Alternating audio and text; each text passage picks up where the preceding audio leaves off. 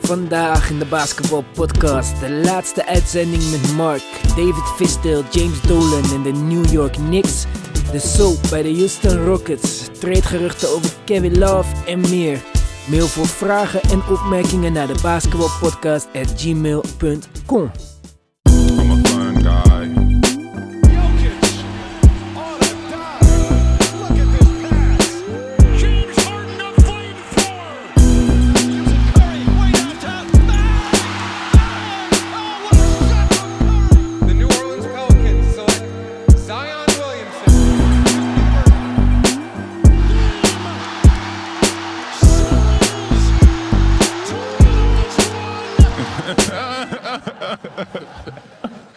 Welkom allemaal bij een nieuwe aflevering van de Basketball Podcast, aflevering 13. Niet op een vrijdag gelukkig.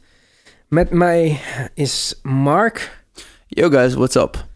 Ja, met mij gaat het in ieder geval goed, want wij hebben net heel lekker gegeten en alweer zin in deze podcast. Met jou ook? Ja, we hadden wel heerlijk gegeten. Ehm, ja, want jij eet normaal gesproken geen vlees, toch? Ja, dat, eh, dat klopt. Helemaal geen vlees, is, eh, ja, dat kan ik niet zeggen. Ik denk dat ik één keer in de maand vlees eet. Vandaag bijzondere gelegenheid, dus ja. Ja, eh, want we, ja, we hadden echt gewoon een bijzonder ja, stuk eh, beef. Waar, waar kwam vandaan weer? Botswana. Speciale koe daar, eet alleen gras, low, low band. Ik, ik weet niet of ik het goed zeg. Maar in ieder geval eet alleen gras. Ik hou niet van graangevoerde eh, vlees. Ik ben niet heilig of zo, wat ik zeg, ik eet vlees. Maar eh, Ja, ik totaal niet. ja, maar daarom. En David ook. Dus ik moet een beetje compenseren voor de rest voor de groep. eh, als je, ja, ik, ik weet het niet. Maar als je kijkt naar milieu, gezondheid. ik geloof in een plant-based diet. Hmm. Maar ik hou van vlees, dus ja, af en toe een stukje hier en daar. Als het bijzonder is. En we hadden vandaag ook een bijzondere gelegenheid. Want dit is onze laatste uitzending van dit jaar. Tenminste, de laatste uitzending die jij en ik samen maken. Want jij gaat, vertel Ja. het maar. Ja, ik ga naar Zuid-Afrika. eh, ja, na een paar maanden echt hard werken ga ik met de familie. En eh, ja, uiteindelijk wordt het gewoon niet alleen een vakantie, wordt het ook gewoon een klein project voor mezelf. Ik ga kijken welke spelers het meest beroemd en welke spelers iedereen het leukst vindt in Afrika. Want ja, dat, we zien in de, gewoon in Amerika, of je ziet op Instagram, je ziet welke staten, welke speler het meest beroemd is, welke spelers de meest eh jerseys wordt gekocht. Maar in Afrika weet je dat bijna helemaal niet. En het is dus, toch wel interessant, toch? dus behalve een welverdiende vakantie ga je ook nog wat eh, voor onze podcast doen. Ja, natuurlijk. Ik, uiteraard. Zelfs op vakantie kan je de NBA niet loslaten. Ja, en het gaat ook naar Afrika, toch? Met de New League. Dus het is wel... Ja, wel- je zou bijna zeggen dat je het mooi hebt uitgekozen. ja. ik ga één ding vragen. Welke speler denk je gewoon het favoriete of meest bekendste zal zijn? Nou ja, dan zou ik zeggen. Ik, ik zou dan zo. Ja. Ik zou dan toch kiezen voor een Afrikaanse speler. Dus dan Ja. is het al, zijn het er al een stuk minder om uit te kiezen. En dan ga ik voor de Afrikaanse speler met de grootste presence op social media en zo. En Cameroen is ook geen klein land. Dus Zeker dan zou ik niet. zeggen Joel Embiid. Ja, dat eh, was... Ja, hij is sowieso in mijn top, in mijn top 2. Was ook aan het denken misschien een klein beetje over Ibaka. Gewoon voor wat hij heeft laatst Ja, voor tien jaar. veel. Maar hij is ook, ja... Ja, maar hij doet ook veel voor Afrika, veel projecten. Oh. En net als volgens mij met Masai heeft hij ook dat Kings of Africa eh, project. Precies. Misschien zeg ik de naam verkeerd, maar volgens mij was het zoiets. Maar ja, kijk, Joel is zo aanwezig op Twitter, op eh, Instagram. Ik weet niet wat hij allemaal heeft. Maar in ieder geval, hij is, hij is ook echt een character buiten het veld. Mm. Dus, en ik denk dat zelfs in Afrika best wel veel mensen al internet hebben of toegang tot Ja, internet. of, zeker. ja, dus ik zou dan zeggen Joel Embiid. Wat denk jij? Ja, ik denk het is tussen hem en Joel Embiid en Ibaka. Denk ik eerlijk gezegd. Oké. En Siakam, was jij, die heeft gewoon een titel gewonnen. Hij is net, net te vroeg in zijn ontwikkeling. Hij En is niet- Amino, die is van koninklijke afkomst. Ja, ja, Amino, ja. Ik, ik, ik denk het niet eerlijk gezegd. Ik denk ook, het is ook een lastige vraag. En Afrika is natuurlijk niet één land, het is een continent. En je moet ook denken over Jannes. Jannes is een soort... Oeh, helemaal vergeten. Ja, precies, ja. Terwijl we hem als- ik denk dat Afrika hem zeker zit als Afrikaan. Ja, precies. Dat, Hij kan Griek zijn wat hij wil, maar... eh, hij is technisch gezien... ah ja, hij is, hij is technisch gezien juist Grieks, maar... eh, Oké, ja, je snapt wat ik bedoelde. Ja, nee, nee, maar het is, kijk, het is net als met Doncic. Doncic is Sloveens, maar zijn vader is Servisch. Hm, oh ja, klopt. Dus ook al speelt hij voor, ook al kiest hij voor Slovenië, ik zie hem als Servisch. Is Servisch, toch? Ja, precies. Ik ben benieuwd. We gaan sowieso bellen. En eh, als het kan, als je bereik hebt daar. Maar goed, deze week in de NBA weer veel gebeurd. Rodney Hood scheurt zijn Achilles. Echt jammer, hè? Ja, maar ja, ik vind sowieso ten alle tijden zielig als een speler geblesseerd raakt. Maar ja, hoe goed hij nou is of niet. Ik vind niet dat Kent Bazemore, die hem nu vervangt in de starting line-up, per se beter is. Nee. Maar misschien dwingt het het Blazers wel weer om een nieuwe trade te maken. Een Igodala bijvoorbeeld. Je weet het niet. Maar ehm, ja, vervelend sowieso. Ja, het is echt, echt, echt jammer. Maar hij had best veel minuten gespeeld. Dus, en hij was ook Ja, net terug van een blessure. ja, maar iedereen Ja. speelt veel bij de Blazers. Als je zelfs Carmelo Anthony, die een jaar niet hebt gespeeld, zit soms op 35 minuten. Dat is eigenlijk een beetje overdreven. Maar ja, kijk wie je bank is. Het is, ja, het is ook begrijpelijk. Het is een beetje zoals OKC een paar jaar geleden. Toen ze gewoon met zeven man Alle spelen, ja. met alles speelden. Gewoon voor vier, vijf wedstrijden. ja. Maar het is wel, ja, ik, als er een trade komt, het, ze, ze moeten het wel nu gaan maken. Want Ja, we gaan het zien. De Lakers eh, die gaan eh, rustig door bovenaan in de NBA. gewoon top met Milwaukee. 16 overwinningen na elkaar, Lakers. Maar, ja, maar zag, Milwaukee weten we nu. Milwaukee was vorig jaar ook eh, Ja, goed in de regular season. Maar ze Maar Lakers, dit is een verrassing. Die waren niet in de playoffs. Die staan nu bovenaan in het westen. Iedereen heeft het over Anthony Davis. Scoorde laatst 50 punten. LeBron, Ja, Dus- ik denk toch echt dat het eh, zijn Pasen is. Want het is niet alsof die aanval in geni- geniaal bedachte spelletjes zitten of zo. Het, voor mij is het in ieder geval... Het is niet eens maar een van mijn favoriete spelers. Maar het is wel LeBron die met... Ja, zijn kwaliteiten toch weer het hele spel naar zijn hand kan zetten. Op zijn leeftijd. Best wel knap. ja, we, we moeten wel echt gewoon die laatste... Ja, ik denk we hebben maximaal twee jaar van LeBron nog op dit Nou, ik niveau. denk het niet eigenlijk. Dit jaar en nog eentje volgend jaar. Ja, maar hij is 35 en hij speelt op dit niveau. Dat is misschien En hij is eigenlijk niet, hij is niet... Ja, maar daarom. Hij kan toch vijf jaar? Als hij nu declined... Als hij, zeg maar, vanaf volgend seizoen begint met declinen... Kan hij nog vijf jaar spelen. Ja, klopt. Ik Maar- vind het gewoon heel knap. En ja, het is een van de knapste sports achievements dat je zal ooit echt zien, vind ik. Dat weet ik niet. Ik ken niet alle sporten. Maar eh, dit is zeker knap. Hm. Dan eh, laten we maar beginnen. Dit is het NBA-nieuws van deze week. De New York Knicks hebben afscheid genomen van David Fisdale, hun vijfde coach in de laatste vijf jaar. Na een 4-18 start met zijn all-power forward team en een met 37 punten verloren thuiswedstrijd tegen de Denver Nuggets besloten president Steve Mills en general manager Scott Perry dat het genoeg geweest was. In zijn tijd bij de Knicks kwam Fisdale tot een record van 21 gewonnen en 83 verloren wedstrijden. Assistent Mike Miller is nu de interim headcoach.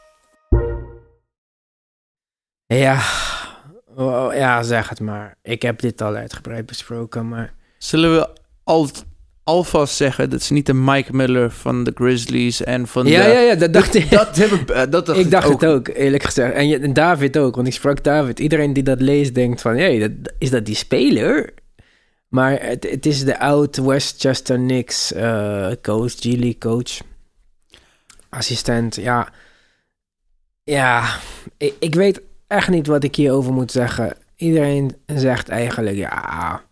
Mensen feliciteren Visdeel, zeg maar, dat hij eindelijk verlost is van niks. Maar voordat we gaan, het gaan hebben over de rest van de Knicks-organisatie... Visdeel, wat hij dit jaar als coach heeft laten zien... was ik ook niet zo onder de indruk van, hoor. Sowieso niet. Hij had gewoon... Ervan uitgaande dat wat hij heeft gedaan zijn beslissing was. Hè? Voordat mensen gaan zeggen, ja, maar hij heeft daar helemaal niks te zeggen. Maar dat geloof ik eigenlijk niet. Kijk, Nitilikina speelde niet het begin van het seizoen. Dat vond ik belachelijk. ehm, ja, vier wedstrijden gewonnen. Het- 18 verloren. Nee. En je ziet geen vooruitgang in Geen- RJ Barrett. Hij wordt gewoon slechter. Ja, Randall ook coaching. hetzelfde verhaal. Ja, Mitchell Robinson startte niet de hele tijd. Oké, hij komt snel in foul trouble. Knox maar ook. Ja. Knox, ja, precies. Dit is wat ik al eerder zei. Ik snap Morris en ik snap Gibson en ik snap al die mensen dat het ervaren mensen zijn en dat je die wil. Maar in dit stadium van het seizoen, vooral als je 4-18 bent, ja, weet je, start maar Ntilikina, Barrett, Knox, een Randall dan, omdat dat je beste man is op die positie. En Robinson. Je speelt voor de toekomst. Je speelt duidelijk niet om dit seizoen, zelfs Ja, in de oosten, ja. te competen met Philly of met de Bucks of met Toronto of met Boston. Dus ja, los van die organisatie, waar ik het trouwens ook met Mart over had.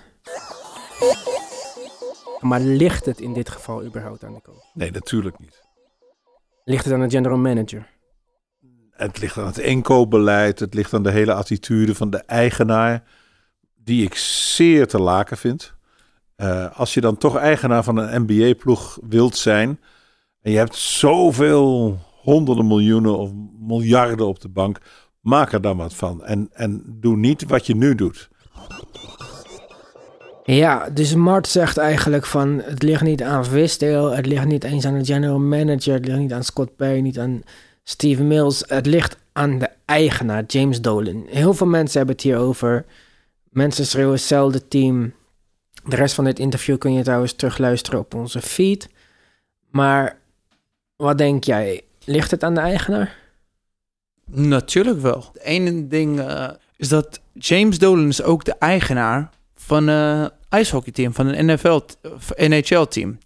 Ja, hoe gaat? Ik weet niet eens hoe het En gaat. dat team, eerste jaar dat hij, had, dat hij had die team gekocht, had hij meteen heel veel geld uitgegeven aan een van de beste of bekendste general managers. En tien jaar lang is hij gewoon in charge geweest. En ze, ze hebben gewoon, ze waren altijd in de tophelft van de league. Bijna een paar keer gewonnen. En ze, ze waren gewoon echt goed. Waarom? Omdat ze waren zelfstandig van hem. En ik weet niet waarom hij het niet kan loslaten met het niks. Maar heeft hij toch gedaan? Hij heeft toch Phil Jackson ingehuurd en toen heeft hij toch zich niet mee bemoeid? Ja, maar hij heeft geld, dus waarom huur je niet een van de beste GM's in de league of gewoon met goede reputatie? Je hebt gewoon coach, je hebt, hij heeft wel goede Isaiah Thomas, een ex-speler.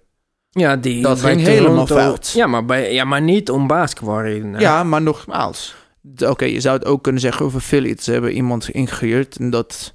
Ja, Colangelo. Maar het probleem qua qua de Knicks is op lange termijn is geen goede visie geweest. Ze hebben niemand ingehuurd dat echt veel weet over general management of waar gewoon ze hadden gewoon ze dachten over vijf jaar is mijn baan wel safe en ik kan daar stappen vanaf maken. Hij heeft slechte slechte beslissingen gemaakt en daardoor zie je gewoon veel eh, vijf coaches in vier jaar toch? Vijf en vijf jaar. vijf en vijf. Je zegt gewoon drie general managers nu, et cetera. En je zegt gewoon geen vooruitgang. Ze, ze hebben slechte trades gemaakt. En nu hebben ze een team met gewoon met twee jaar op hun contract of één jaar op hun contract. Dus ze spelen allemaal voor hun, voor hun volgende contract. En daardoor is het gewoon, de spelen niet goed. Het is meer selfish. En dan ballstoppers, RJ Barrett ontwikkelt niet. Ja, uiteindelijk is het gewoon van de top. Je moet uiteindelijk van de top. Ja, Van de bodem Maar kijk, Dolan wil bijvoorbeeld Masai. Er zullen meer teams die willen, neem ik aan. Maar oké, ik ben Masai. Behalve dat ik best weg kan bij Toronto, dat is geen probleem. Maar waarom zou ik in godsnaam naar de Knicks gaan? Dan moeten ze mij echt eh 25 miljoen per jaar betalen of zo.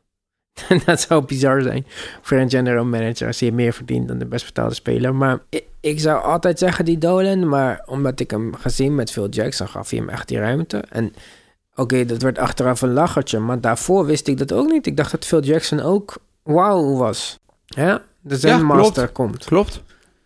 Dus ja, ik weet niet of het allemaal aan hem ligt. Ik denk sowieso dat Visdale misschien niet de beste man voor die positie was. Hij is ook ontslagen in Memphis. Hè? Het enige waar hij zijn hele eh, reputatie aan te danken heeft... is assistentcoach zijnde van eh, Miami Heat.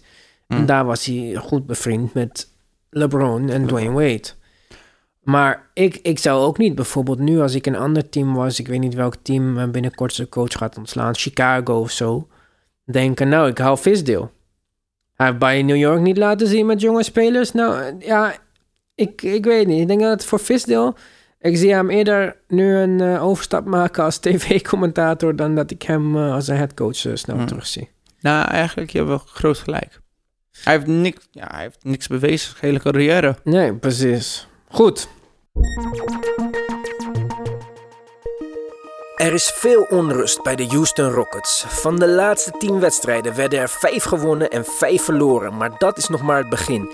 James Harden krijgt voor het eerst in zijn dienstverband bij de Rockets aan de lopende band te maken met double-teams. De Beard is een capabele paser, maar waar hij voorheen Chris Paul vond voor een open 3, staat nu Russell Westbrook, die dit seizoen slechts 22,9% van zijn 5,2 driepuntspogingen per wedstrijd raakt. Eerder deze week meldden Sam Amick en John Hollinger van The Athletic dat er nog maar een kleine kans is dat Mike D'Antoni volgend jaar mag terugkeren op de bank in Houston. We hoeven echter geen medelijden te hebben met de 68-jarige coach, zo rapporteren zij. Er zouden aankomende zomer namelijk genoeg teams zijn met interesse in zijn diensten. Ten slotte deed Carmelo Anthony nog een duit in het zakje. Nadat Mark Spears het gerucht naar buiten bracht dat Harden zou hebben geëist dat Chris Paul werd getraind, zei Melo dat hij Chris Paul al gewaarschuwd had de avond dat hij zelf door de Rockets werd gekat. Ja, hoop informatie, kort samengevat. Het is een zootje bij de Houston Rockets. Klopt, maar ik zie nog een redelijk potentie. Ik denk ze gaan, ik denk niet finales, maar ik zie wel mogelijkheden waardoor ze wel een goede kans hebben om, ja, ik, zie het nog steeds. Ik weet niet waarom. Het zijn alle, alle tekenen op de muur zeggen nee, stop, ga terug. Dit-. Je bent dom, waarom doe je dit? Maar op de een of de andere manier. Harden is ongelooflijk. Ja. En in de een of andere manier krijgen ze ook spelers dat gewoon... Ja, hoe kan ik het uitleggen? Ze maken drie punters. Uiteindelijk, ze, ze pakken mensen... En ze hebben ook best veel blessures gehad van deze jaar. Westbrook... Het is bijna onmogelijk dat Westbrook slechter kan worden. Nee, denk ik niet. Ik denk dat hij nog slechter kan. Maar niet alleen dat. ehm, kijk, ik zei het in, de, in het nieuwsbericht. Het is de eerste keer dat James Harden te maken krijgt met deze double team. Het is gewoon obvious dat ze Russell negeren. Want zelfs als hij die driepunter dus schiet tegen 1 uit 5, wat eh, laat maar zo vaak je wil. Als hij dat niet doet, dan stopt hij ook nog de bal. Dus tegen de tijd dat hij weer iets gaat doen, of er komt een volgende paas, heeft de defense altijd gehad om te herstellen, om te recoveren. Het werkt niet zo. En dat is, levert frustratie op bij Harden. Westbrook, eh, trouwens, van de week had hij een gelijkmaker. Hij drijft naar de basket tegen de Kings. En gelijk totdat Bielica een drie punten raakt. Maar oké. Dus ik zeg niet dat hij niks doet of dat hij niks kan, dat hij niks goed doet. zeg ik helemaal niet. Maar hij past gewoon niet in dit systeem. Kijk naar Mello. Weggestuurd na tien wedstrijden. Gewoon niet eens goed genoeg om als negende op de bank te zitten. Volgens de Rockets. Kon daar niks. Speelt nu in Portland, scoort 20 punten per wedstrijd. Het is een moeilijk team om te spelen. Spelers als PJ Tucker, die in Europa speelden, blinken hier uit. Het is zo'n specifiek iets wat ze doen. Het is niet eens Mike D'Antoni, want dit heeft niks te maken met de 7 seconds offense. Het is niet eens 7 seconds offense, het is 17 seconden Harden aan de bal offense. Harden houdt de bal vast. Het, hij maakt niet eens een move, hij speelt geen pick and roll. Niks. Hij doet een step back contested three en op de een of andere manier is dat qua percentage gewoon het beste schot wat ze kunnen hebben. Ja. Zo, zo goed is hij geworden. Zo goed is hij in de regels uitbuiten dat als hij drijft, dat, dat, dat hij ten alle tijden gewoon vrije worpen krijgt. Hij heeft iets bedacht. Hij speelt op een manier die niemand anders heeft bedacht. Ik weet niet of het dat hem een genie maakt of iemand die basketbal verpest, maar het is wat het is. Ik weet niet eens wat D'Antoni daarmee te maken heeft. Ik weet niet eens of we D'Antoni de schuld moeten geven. Ik weet niet eens of we Westbrook de schuld moeten geven. Ik weet wel dat het, dat het dit niet werkt. Ik las dat ze geïnteresseerd zijn in Robert Covington. Kijk, dit vind ik weer een uitstekende speler om met, you- om met eh, Harden samen te spelen. Ja. Hij hoeft de bal nooit. Als hij staat op de plek waar Westbrook staat te wachten op een 3, dan is het 45% van 3, hè, open drie's. En verdedigend is hij toegevoegde waarde. En hij is lang. Ze hebben iemand behalve PJ Tucker om die wing te verdedigen. Dus ik zou niet eens verbaasd zijn als Westbrook getraind wordt. Ja, de Wolves hebben wel gewoon... En waarom niet de. Wolves? Die worden sowieso... Kijk, de, ja, ik weet niet. Ik denk dat Westbrook absoluut een verkeerde type is. Als ze Jimmy Butler al opgefokt vonden... dan moet je nagaan wat ze van Westbrook vinden. Maar waarom zou je als Wolves zijn en niet Jeng en, eh, en Covington treden? Voor Westbrook? Ik weet niet wat Deng precies verdient uit mijn hoofd nu. Nu zeg ik maar Jeng. Die, die. Maar ik zeg maar wat. Maar eh, de Wolves hebben grote contracten. Die kunnen dit sowieso passend maken. Sowieso. Dus Zou je ook... Nee, zou nooit Andrew Wiggins traden nu. Nee, ik denk niet dat dat gaat werken. Ik, ik denk ook niet dat de Rockets dat zou doen. En hij speelt... Nu is hij ook goed. Kijk, ik zou wel kunnen bedenken waarom je zou kunnen denken... dat Westbrook, Wiggins en Cat kan werken. Ik weet eigenlijk niet eens. Ik ben echt geen fan van Westbrook... maar ik weet niet eens of ik dit niet zou doen. Als je mij vraagt wie is beter, Jeff Teague of Westbrook... ja, zou ik toch kiezen voor Westbrook. Ja. En als Wiggins drie's kan raken en Cat kan drie's raken en Westbrook kan een beetje tempo in de spel brengen af en toe. Zelfs als zou je Westbrook op dit moment in een soort van super luxe positie op de bank zetten. Als six-man. Ja. Het is beter dan Jang. Ja, Covington doet goed, dus dat is dan wat je mist. Maar voor Houston zou Covington in ieder geval goed zijn. Ja, sowieso. Ook...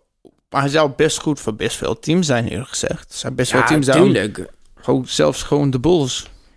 Ik weet niet, Ja, gewoon... maar de ja, Bulls, het je zijn niet, de, de Bulls kunnen geen trade maken voor zo iemand. Het is wel een contender.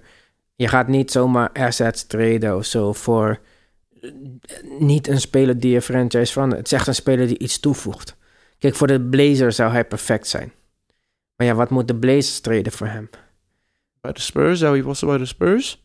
Ja, ook. Maar ja, hoeft niet. De Spurs moeten gewoon eerst afscheid nemen van de Rosen en Aldridge en de Tank en Brezen en een nieuw era starten. Maar bijvoorbeeld Blazers, Hood is nu uitgevallen als je... En niemand verdedigt daar. Lillard niet, McCollum niet, Mello niet. Whiteside wanneer die zin heeft. Verdedigen, hè? Ja, daarom. Dus hij zou daar passen, hij zou bij Houston passen. Maar hij zou, past ook bij de Timberwolves, want dat doet hartstikke goed. Dus ik zou niet weten waarom ze hem zouden treden als er niet iets wows ervoor terugkregen. Het zou best wel goed passen bij Houston, hè? Als Harden gewoon... eh, Ja, daarom. Dan Kevin kan Love Harden en doet Harden. toch wat in moet doen. Nog meer de bal aan Harden. Dit is blijkbaar het meest efficiënte wat je kan doen. Nog helemaal Ja. dan. denk over Kevin Love en Harden. Dat zou echt ongelooflijk Kevin Love zijn, wordt hè? veel moeilijker om te treden. Ja, klopt. Maar En Kevin Love heeft nog een eh, contract voor een drie jaar. Maar dat brengt ons op het volgende. Een wooshbom dan. De Cleveland Cavaliers zouden luisteren naar trade offers voor Kevin Love. Love zou graag naar een contender willen en zou zelf gevraagd hebben om een trade. Dit wordt echter ontkend door Kevin Love en door de Cavaliers. Cleveland staat op dit moment één na laatste in het oosten met maar één gewonnen wedstrijd voor de New York Knicks. Love is bezig aan zijn eerste jaar van een vierjarig contract van 120 miljoen. Ja, nog drie jaar dus hierna voor Kevin Love na dit seizoen. Per, voor 30 miljoen gemiddeld per jaar. Voor een speler die zwaar aan het declinen is. Achteruit gaat. blessures worden gewoon erger. Ja. Geen 20 punten per wedstrijd. Ja, In het begin van het seizoen zag hij wel redelijk goed uit. Maar dit, ik weet niet wat... hij is ook fit. Hij doet, Gewoon, ja, eh, hij heeft, altijd, hij heeft van alles. Hij heeft rug, hij heeft gewoon chronische blessures sowieso. En je weet ook niet hoeveel van die blessures weer gelinkt zijn aan het feit dat hij helemaal geen zin heeft om te spelen. Maar komt dat om... Ja, als ik op Cleveland zou spelen, zou ik ook gewoon geen zin hebben. Dat zie je ook bij best maar veel hoezo? Spelers. hadden gewoon een nieuwe coach, die Beeline. Je hebt die jonge backcourt. Je hebt Nance daar. Ik had wel ietsje meer verwacht. Ik weet dat er altijd een team de slechtste moet zijn, maar ze spelen ook slecht. Eerlijk gezegd, van volgens mij... Wat je hoort gewoon van best wel van die commentaren en mensen in de pers... is dat gewoon Cleveland is gewoon niet de leukste plek om echt te zijn. En Het is, het is je prime en je zit gewoon daar. Je he- ja, hij moest geen contract tekenen. Maar je zit gewoon je hele prime. Je zit gewoon in... Niks, te- niks tegen Cleveland, maar Ja, ik ken geen- niemand daar, dus ik kan ook niemand beledigen. Maar ja, die coach ook. Vijf jaar contract, dik contract. Die gaan ze niet zomaar wegsturen. Hebben ze genomen omdat ze veel jonge spelers hadden. Niet elke college coach maakt een succesvolle overstap. Pitino, Pit- hoe heet die coach van Boston? Pitino? Rick Pitino? Patino, ja. Ja, die, die was ook een legende in de college game. eh, Calipari ook. ja, Calipari ook. Dus kijk, Brad Stevens eh, lukt het wel bijvoorbeeld. Maar Billy, ja, Billy dus die gaat niet zo snel weg. Misschien zo'n... Ja, Billy Donovan vind ik niet, maar goed. Dus die Billy gaat niet zomaar weg. Love daar, het heeft ook geen zin. In mijn nieuwsbericht zei ik... hij wil naar een contender. Lakers kunnen niet voor hem treden. Clippers gaan niet voor hem treden. Zou je hem bij Philly willen hebben voor Tobias Harris? Dus, ah, gewoon Nee, want dan heb ik en Horford en Embiid en Harris. Ik heb liever Covington terug voor eh, Harris dan. Ik, ja, ik zou het normaal gesproken niet zo erg vinden, want ik denk dat dat wel een speler is die goed past met eh, Ben Simmons. Met een ja. Ja, dus als je Embiid treedt, wat van mij mag, en je speelt met Simmons, Richardson mag je ook treden voor mij, en dan eh, Harris, nou Harris mag ook weg. En ja, ik weet niet, je speelt met Love en Horford. Ja, dat, vind, dat zie ik best zitten, maar op dit moment is er geen plaats voor hem daar. En als je kijkt naar andere contenders, eh Siakam speelt bij de Raptors op zijn positie. Hij kan ook daar geen cent spelen, want Gasol en Ibaka zijn daar, dus kan niet. Portland wordt genoemd, eh, die heeft Melo nu daar. En ik denk, ja, kijk, Portland kan wel bijvoorbeeld... Stel je voor dat, ze, dat Cleveland het oké vindt om het te doen voor Whiteside, een aflopend contract, het matcht één op één. Met eh, een 2023 first round pick. Ja, want Portland hebben bijna, bijna allemaal voor hem picks, toch? Ja, en daarom zeg ik, ze hebben een groot aflopend contract wat matcht. Dat zou ik wel doen als ik Portland was. Want ja, waarom niet? Ja. Dat is een beetje dan. Maar ja, aan de andere kant, waarom niet? Dan heb je dus nul centers op dit moment op je rooster. Want, eh, eh, hoe heet die? Nurk is nog steeds geblesseerd. Ja. Collins geblesseerd. Maar goed, dan misschien kan Kevin Love center spelen. Ik weet niet wat je dan wil doen. Maar ik denk het niet. Wat denk je van Kevin Love naar Miami? Die team werkt zo goed nu. Ja, ik ben echt bang dat het gewoon, ja, misschien wel- dan. Je wel blij van een beetje... eh, Kendrick Oh, Nunn. Kendrick Nunn, sorry. Maar- hij, want hij ja, speelt dat- veel slechter de laatste paar wedstrijden. Ja, maar goed, hoe gaan we dit doen met salarissen? Dat scheelt heel veel. En Ja, dat is bijna onmogelijk eigenlijk. ja, er blijven ook een beetje dan weinig andere contenders over. Kijk, bij de Bucks zou die het ook niet slecht doen. Als hij van Giannis een beetje catch and shoot, three pointers krijgt. Maar wie moeten de Bucks wel niet allemaal treden? Dan zit je alweer... Kijk, het, hij verdient 30 miljoen. En ook nog eens een keer moet de Cleveland de mensen leuk vinden die ze terugkrijgen. Ja. En dan kan je misschien een combinatie van draftpicks en aflopende contracten. Of een combinatie van draftpicks en jonge spelers. Of jonge spelers talenten. Maar die hebben de Bucks niet, jonge spelers talenten. Dus dan wordt het al draftpicks. Die zijn niet zoveel waard. En ze hebben niet echt een aflopend contract wat matcht. Nee. Dus dan, kijk, dan kom je toch al snel weer uit bij... De grote contracten zijn Milton. Bledsoe krijgt 14. eh, Lopez krijgt 12, 14, zoiets. Maar ik ga niet Bledsoe en Lopez treden voor Kevin Love. En als ik Cleveland ben, wil ik ook niet Bledsoe en Lopez met nog twee, drie jaar op hun contract. Nee. Dus ja, dat is geen optie. Philly dus wordt lastig. Raptors lijkt me echt niet. Lakers zouden zeker willen, denk ik. Ik weet niet hoe LeBron met Kevin Love is. Maar waarom niet? Ja. En niet? Clippers lijkt me niet, maar aan de andere kant ook weer waarom niet. Maar aan de andere kant weer, wie ga je treden? Te veel blessures in die drie, in die drie superstars. Dus ik, ik denk dat zouden ze niet echt erover nadenken. Ja, maar goed, wie blijft over dan? Niemand. Brooklyn? Wie kan Brooklyn treden voor hem dan? Die andere Jordan gaan ze niet treden, dat is duidelijk. Nee. Levert ga je... Ja, kijk, als je Levert wil treden... Wat krijgt Dan? Levert? Vier jaar, 64 of zoiets. Ja, dus niet zo 18, 16, 17, 18, zoiets krijgt hij. Dus Levert en... En dit Torin Prince krijgt 7, Oeh, 8 Taurean of zo. Ja. Maar ja, ik weet niet of ik die zou treden. Ik vind dat dat zijn echt twee jonge spelers dan die best wel potentie hebben. ja, maar Brooklyn hebben alles letterlijk verpest, eerlijk gezegd. Ja, oké. Trade maar dan voor Kevin Ze Love. Dan gewoon is veel iedereen... te- zonder Kyrie. ja, Ja, dat vind ik ook Kyrie- bizar. Dat vind ik echt niet bizar. Dat is gewoon een bolstopper die... Hij doet het gewoon omdat hij wordt gevraagd. Maar als je ziet hoe ze spelen zonder hem. Als mensen gewoon voor gewoon het team pasen, dan zie je meteen een verschil. Ze doen iets voor het team. Ja, met Kyrie zie je, ze zijn gewoon door de motions. En ik bewijs, Kyrie is supergoed, maar in een pick-up game. Ja, misschien wel. Ik weet het niet. Ik denk dat het dus lastig wordt om Kevin Love te treden. Maar ja, dat zullen we zien. Het is bijna 15 december. Dan kunnen spelers weer eh, getraind worden. Dat is sowieso al eh, een datum waar we op moeten letten. En dat gaan we dan ook zien. Voor nu was dat het nieuws voor vandaag, voor deze week. Mark, ik wens je alvast een fijne vakantie. Ik ga jou sowieso nog tijdens de vakantie spreken. En we hebben nog een speciale uitzending die we tijdens de vakantie gaan uitbrengen waar jij wel in voorkomt. Voor de luisteraars, tot van de week. Blijf ons feed in de gaten houden. Er komt nog een andere podcast aan. Ik ga met David de 20 beste spelers in de NBA kiezen. En dan gaan we ze à la een All-Star Draft-achtige iets kiezen. Wordt ook leuk, dus kijk daarna uit.